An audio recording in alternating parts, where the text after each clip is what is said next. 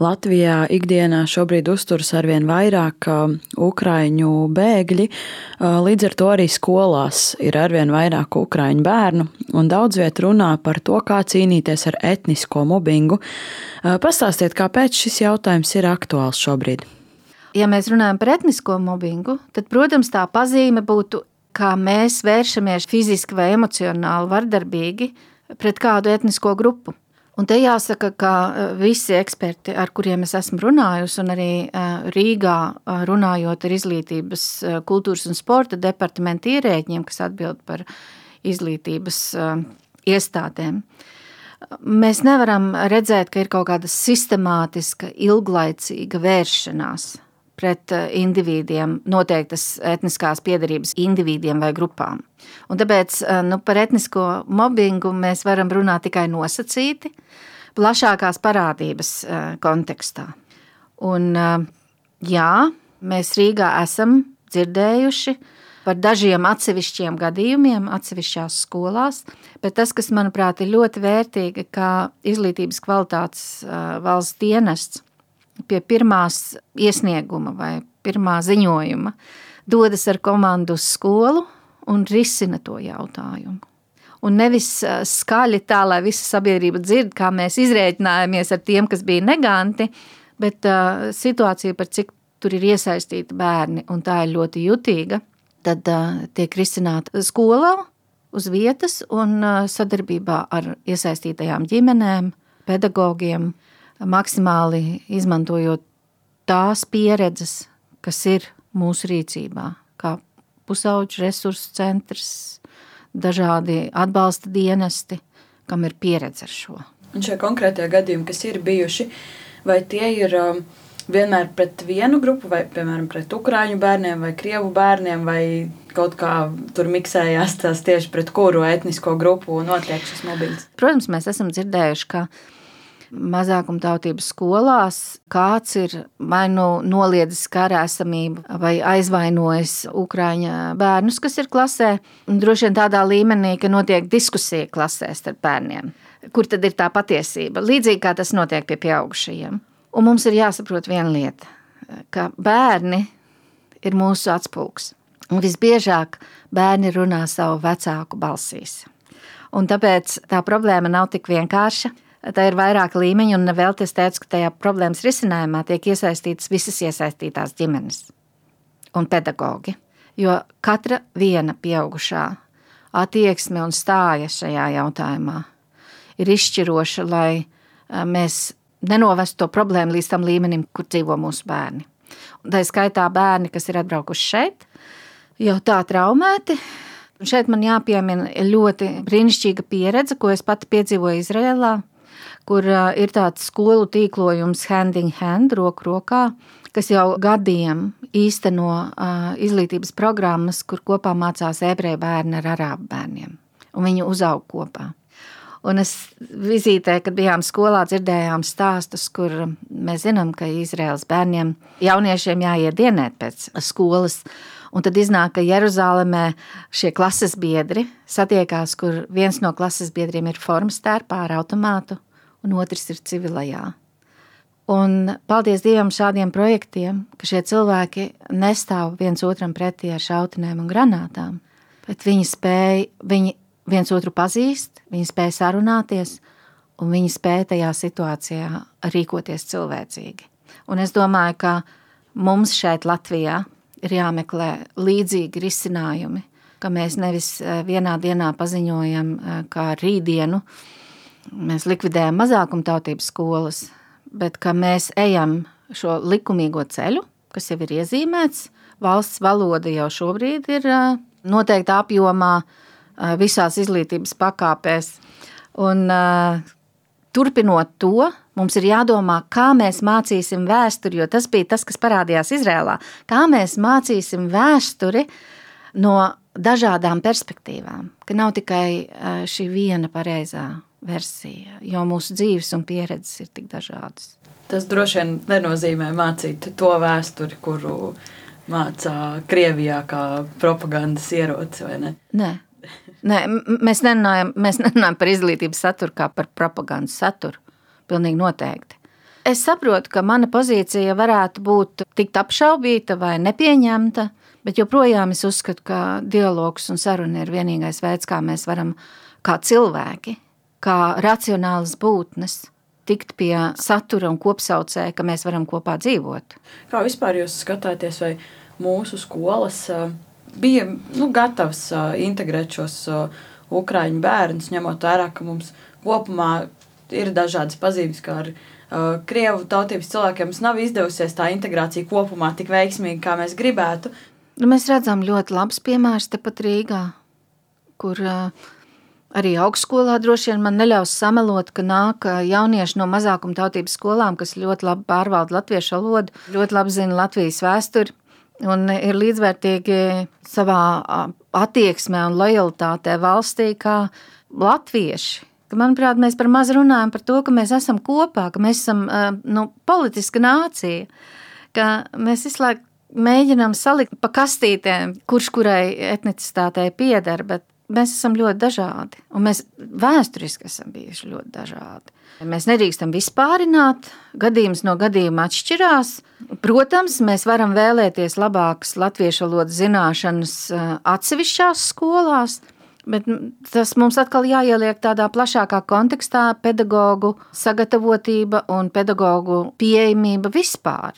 Nu, vismaz tas, ko mēs novērojām Rīgā, ka Ukrāņu vecāki tomēr izvēlējās tās skolas saviem bērniem, kur jau iet viņu bērni, kuru ģimenēs viņi jau dzīvo. Tad veidojās tāda grupa, kur tas ukrāņu bērns jūtās drošāks, un viņš iet kopā ar tiem. Un tās pārsvarā bija mazākumtautības skolas. Un, ja man jautā, tad es teiktu, ka, nu, manuprāt, ka vecāku izvēle ir ņemama vērā. Mēs nedrīkstam atņemt, pat tad, ja cilvēki ir nonākuši grūtībās un vajadzībās. Mēs nevaram atņemt viņiem cilvēku cieņu tādā nozīmē, ka viņiem ir tiesības izvēlēties. Man, protams, ir oponējuši, ka izvēlē ir jābūt informētai. Jā, bet mūsu atbalsta centros cilvēki patiešām dara visu iespējamo, lai informētu. Un gadījumos, ja vecāki nolem mainīt skolu, vienalga vai valodas dēļ, vai teritorijas dēļ, vai kādu citu iemeslu dēļ, tas vienmēr tiek izdarīts. No otras puses, mums ir jārēķinās ar situāciju, ka tūlīt mums vairs nebūs vietas skolās. Mums jau nebūs tās brīvās vietas skolās, kur ukrāņu bērnus likt. Mums būs jāver vaļā ēkas, jāmeklē pedagogi papildus, kas strādās. Tagad tāds sarežģīts brīdis sanāk, ja mēs no vienas puses taisam to skolu tīklu reorganizāciju, un jūs sakāt, ka no otras puses mums nāk arī no vairāk jaunu skolēnu un uh, vajadzēs vietas, kur viņus likt, ko darīt. Nu, iesim soli pa solim. Tātad mēs nezinām, cik ilgi šī situācija turpināsies. Mēs šobrīd esam pieņēmuši lēmumus kā valsts un kā pašvaldība līdz mācību gadu beigām.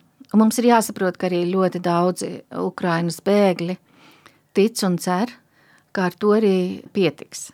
Ka viņi varēs braukt atpakaļ un jauno mācību gadu mācīties Ukrainā. Mēs to šobrīd nezinām, un mācību gada beigās Mēs jau šobrīd sākam domāt par scenārijiem, ko mēs iesāksim, ja arī jaunajā mācību gadā mums būs jāintegrē sistēmā šie ukraiņu bērni. Bet arī pat laikā mēs šobrīd pagaidīsim mācību gada beigas, analizēsim esošo pieredzi un domāsim par scenārijiem uz priekšu. Jā, kopumā par šo te ukraiņu bērnu integrāciju runājot šobrīd, kā skolas pašas var būt gatavākas. Vai vispār, jā, lai novērstu arī šādus etniskus strīdus un, un domstarpības par karu, ko pašās skolās, kā to vidi radīt tādu, lai pēc iespējas mazāk varbūt notiktu šādi gadījumi? Vispirmkārt, kā jau es teicu, mums jāsaprot, mēs esam pieauguši cilvēki, un mēs esam tie, kuri vada situāciju. Un tātad, ja manī pašā, kā pedagogā, ir trauksme, bailes, nenoteiktības sajūta, Eh, kas emocionāli mani eh, padara labilu, jeb nu, nestabilu, tad ir nepieciešams vai nu vērsties pie, pēc palīdzības pie profesionāļa, vai Pirms mēneša jau tika uzsākta dažādās, arī Rīgas pašvaldība organizēja webinārus ar psihologu un psihoterapeitu līdzdalību, kas mācīja, kā tiek galā ar savām bailēm un trauksmēm un neziņu, lai vadītu savas emocijas. Tātad tas ir tas pirmais solis – vadīt savas emocijas.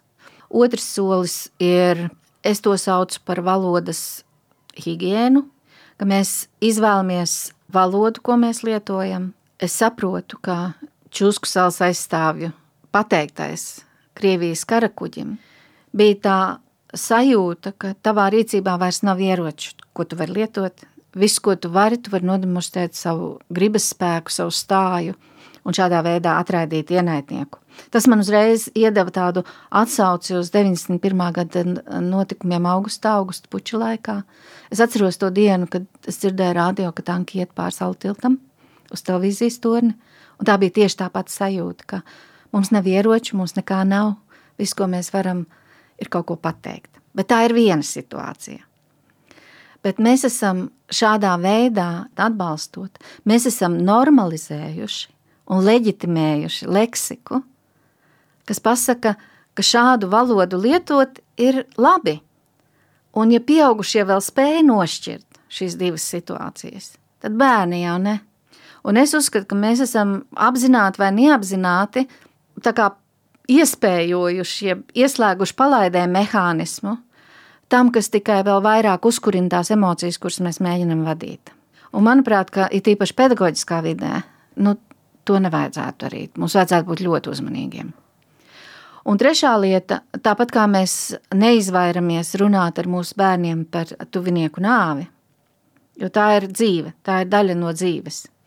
Tā mēs nedrīkstam izvairīties no sarunām par karu, bet tām sarunām par karu ir jābūt atbilstoši vecuma posmam, atbilstoši tiem jautājumiem, kas tiek uzdoti no bērnu puses. Mums nav jānodarbojas ar propagandu vai ideoloģiju. Mums ir kopā jāmeklē atbildes uz eksistenciāli nozīmīgiem jautājumiem par to, kā mēs kā cilvēki varējām nonākt līdz šai situācijai. Mums vajadzētu cīnīties pret to, kas ir necilvēcība, zvērība un naida piramīdas kategorijās runājot vārdarbība un genocīds. Naida piramīda tas nozīmē, ka no, no... no jokiem, no jokiem, it kā nevainīgajiem jokiem par kādu etnisko piedarību vai uh, kāda citādību, vai reliģisko pārliecību, mēs nonākam līdz aizspriedumos balstītai rīcībai, tad nākamais solis ir diskriminācija, nākamais solis ir fiziska un emocionāla vardarbība, mobbings, par ko mēs runājam, un nākamais ir genocīds. Tā piramīdā ir tikai piecas pakāpes, un viss sāks no nevainīgiem jokiem, no nevainīgas grāmatas nomešanas no sola. Un mums kā pieaugšiem ir jābūt zinošiem, reaģēt spējīgiem. Un tas ir tas, ar ko es gribētu sākt un beigt, ka profesionāls pedagogs, viņam ir jāproti galā ar šo situāciju. Un ja viņš netiek galā, viņam ir jāprot palūgt palīdzība, profesionāla palīdzība. Bērni tikai mācās to darīt. Mēs esam tie, kas viņus virza un vada šajā procesā.